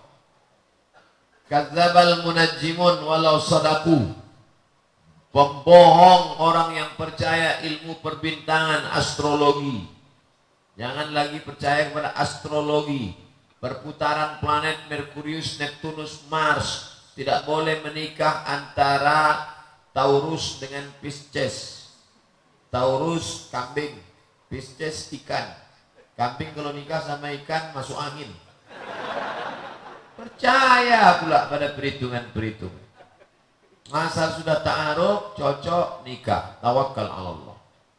Bagaimana cara bersabar menghadapi mertua yang tak memperdulikan saya dan suami saya. Tapi kalau susah-susah baru ke kami. Senang-senang kami dilupakan. Dan pilih kasih dengan anak-anaknya Pak Ustaz. Hai ibu-ibu, bapak-bapak yang sudah tua-tua. Fa'dilu baina auladikum. Ittaqullah. Kata Nabi, ittaqullah, takutlah kalian kepada Allah. Fa'dilu baina auladikum, bersikap adillah kalian di antara anak-anak kalian. Karena kalian akan dituntut di hadapan Allah. Inna sam'a pendengaran, wal basar penglihatan, wal fuad hati dan pikiran. Semua akan diminta tanggung jawab di hadapan Allah Subhanahu wa taala. Bagaimana cara saya memberitahu kepada ibu saya suka minjam duit di bank yang sudah sangat jelas riba? Sudah sering saya bilang Ustaz, tapi ujung-ujungnya malah bertengkar. Saya takut menjadi anak durhaka. Hai ibu yang masih juga minjam bank. Berhentilah bu. Makan haram kau bu. Neraka jahanam tempatmu bu. Saya laki-laki 25 tahun. Saya pengen banget cepat menikah. Supaya terhindar dari banyak dosa. Tapi mungkin Allah lagi nyiapin jodoh buat saya. Ah, ini husnuzon tingkat tinggi yang spesial banget. Jadi saya hanya bisa bersabar menunggu. Jangan ditunggu. Minta carikan sama Profesor Ilyas. Banyak mahasiswi beliau. Pasca sarjana. Saya kan tak minta carikan aja. Mendapatkan. Nah, jangan kalian datang sendiri petantang petenteng. Datang ke rumah calon mertua tadi pakai celana kuyak. Mana diterimanya? Pak, izinkan aku minang anak gadismu. Akan kubawa segenggam cinta dan masa depan. Makan waanglah cinta itu. Tentu bawa lah, bawa rekom ustad-ustad, minta rajin-rajin ke masjid. Apakah kredit mobil itu riba? Saya pernah baca artikel ustad di Somat Maroko, kredit uang dengan barang tak riba. Cuman yang saya ragu apabila kita telat bayar kan di denda-denda Pak Ustaz. Jangan telat. Pokoknya sebelum sampai bayar. Sebelum sempat bayar. Sebelum sempat bayar sampai lunas. Ada keluarga kami sudah 11 tahun nikah, punya anak tiga. Ternyata baru tahu kalau walinya abang kandung satu ibu. Mana bisa nikah wali pakai saudara seibu? Anaknya bagaimana Ustaz? Kantung apa tidak? Kalau meninggal orang tuanya itu sampai tak Sampai tak doanya. La nikaha illa biwaliyin. Tidak sah nikah kecuali dengan wali. Mazhab Syafi'i. Tapi kalau mazhab Hanafi sah. Boleh nikah tak pakai wali sah. Nah ini tak tahu bagaimana tak tahu ini. Maka kita tinggal di negara kesatuan Republik Indonesia. Pak Kua itu bukan bodoh. Pak Kua pasti bertanya walinya mana. Ini bagaimana. Kenapa bisa sampai tak tahu? Doa sampai tak? Doa bukan cuma mesti anak kandung, anak tiri, anak angkat. Walaupun tak ada hubungan. Saya dengan ibu, bapak tak ada hubungan. Kalau mati saya, bapak ibu berdoa untuk saya. Sampai apa tak sampai? Sampai. Doa tak mesti anak kandung. Mohon nasihat dari Ustaz kami sebagai pemuda agar lebih giat lagi beribadah setelah pergantian tahun hijrah. Agar kami hijrah lebih baik lagi. Insya Allah nanti kita doakan di akhir majelis. Mudah-mudahan anak-anak muda ini istiqomah semua. Apa hukum sedekah kepada gereja dengan maksud berperilaku toleransi terhadap agama? Banyak masjid yang perlu lagi. Nantilah kalau udah habis masjid-masjid ini semua. Masjid begitu banyak. Malah orang Kristen itu pula yang kadang menyumbang ke masjid. Kita yang tak selesai-selesai. Dia belum selesai nggak dibangun. Jarak-jarak 5 meter gereja. Seluruh keluarga ayah saya Kristen, kecuali ayah saya. Apakah akan berdampak pada keluarga yang Islam apabila yang Kristen meninggal dalam keadaan kafir walaupun telah dibujuk? Kita mengajak masuk Islam sampai waktu sakratul maut. Bahwa setelah itu baru tak ada urusan lagi. Tapi tentu tidak dengan kekerasan dengan baik-baik, dengan dialog. Ud'u ila sabili rabbik ajak orang ke jalan Allah bil hikmah dengan kata-kata yang santun wal mau'izatil hasanah suri tauladan yang baik. Kalau sudah la yukallifullahu nafsan Allah tak membebani kita. Mohon Ustaz mimpin doa kepada kakak saya yang telah meninggal dunia. Nanti kita doakan. Berapa tadi request? Yang sakit, yang meninggal, yang mau kerja, yang mau punya anak. Ustadz, saya ingin minta tolong. Tolong diumumkan bahwasanya Sabtu tanggal 8 September 2018 besok ada ijtima umat Islam di Masjid Agung An-Nur dari jam 13.30 Ba'da Asar. Dari jam 15.30 Ba'da Asar sampai selesai dengan tema bantu kami menyebarkan agama Islam ke seluruh dunia. Acara ini dihadiri 10 ribu da'i bukan baru. Sabtu 8 September Ijtima Umat Islam Ba'da Asar dihadiri 10 ribu da'i Masjid An-Nur. Saya baru tahu sekarang. Mudah-mudahan menjadi amal soleh insyaallah. Amin. Ala hazihi niyah wa kulli niyatin salihah al-fatihah. أعوذ بالله من الشيطان الرجيم بسم الله الرحمن الرحيم الحمد لله رب العالمين الرحمن الرحيم مالك يوم الدين إياك نعبد وإياك نستعين اهدنا الصراط المستقيم صراط الذين أنعمت عليهم غير المغضوب عليهم ولا الضالين آمين لا تدع لنا ذنبا إلا غفرته segala dosa-dosa kami ampunkanlah ya Allah wala dainan illa qadaitah Utang piutang kami tolong kami melunasinya ya Allah. Wala maridan illa syafaita. Saudara kami yang sedang sakit, angkat penyakitnya, sehatkan ya Allah. Wala mayitan illa rahimta. Yang meninggal dunia, curahkan rahmat ampunan kasih sayang ya Allah. Wala raghiban illa anjabata. Yang ingin punya anak, kasih anak yang soleh dan solehah. Wala mumtahinan illa najahta. Yang ujian, luluskan ujian dengan nilai terbaik ya Allah wala aziban illa zawajta yang lajang yang gadis ingin menikah jumpakan dengan jodoh yang baik-baik ya Allah Allahumma aslih syabab al-muslimin perbaiki anak-anak muda kaum muslimin Allahumma ja'alhum minal mujahirin minal muhajirin fi sabilik. Jadikan mereka orang-orang yang berhijrah di jalanmu ya Allah. Allahumma qawi imanahum, kuatkan iman mereka. Wasahi ajsadahum, sehatkan badan mereka. Waj'alhum minal ladzina yastami'una al-qawla fayattabi'una ahsana. Jadikan mereka orang-orang yang mendengarkan ucapan yang baik lalu mengiringinya dengan amal yang baik ya Allah. Allahumma khtim lana bi husnil khatimah ولا تختم علينا بسوء الخاتمة اللهم اجعل آخر كلامنا عند انتهاء أجلنا jadikan akhir kalam kami ketika ajal kami sampai yang terakhir keluar dari mulut kami nanti la ilaha illallah Muhammad Rasulullah sallallahu alaihi wasallam Rabbana atina fid dunya hasanah wa fil akhirati hasanah wa qina adzabannar wa sallallahu ala sayyidina wa maulana Muhammad wa ala alihi wa sahbihi wasallam walhamdulillahi rabbil alamin taqabbalallahu minkum minna wa minkum taqabbal ya karim 440 semoga kita termasuk orang-orang yang berubah insyaallah. Amin. Terima kasih. Mohon maaf. Wassalamualaikum warahmatullahi wabarakatuh Bagi yang suka tolong like and share.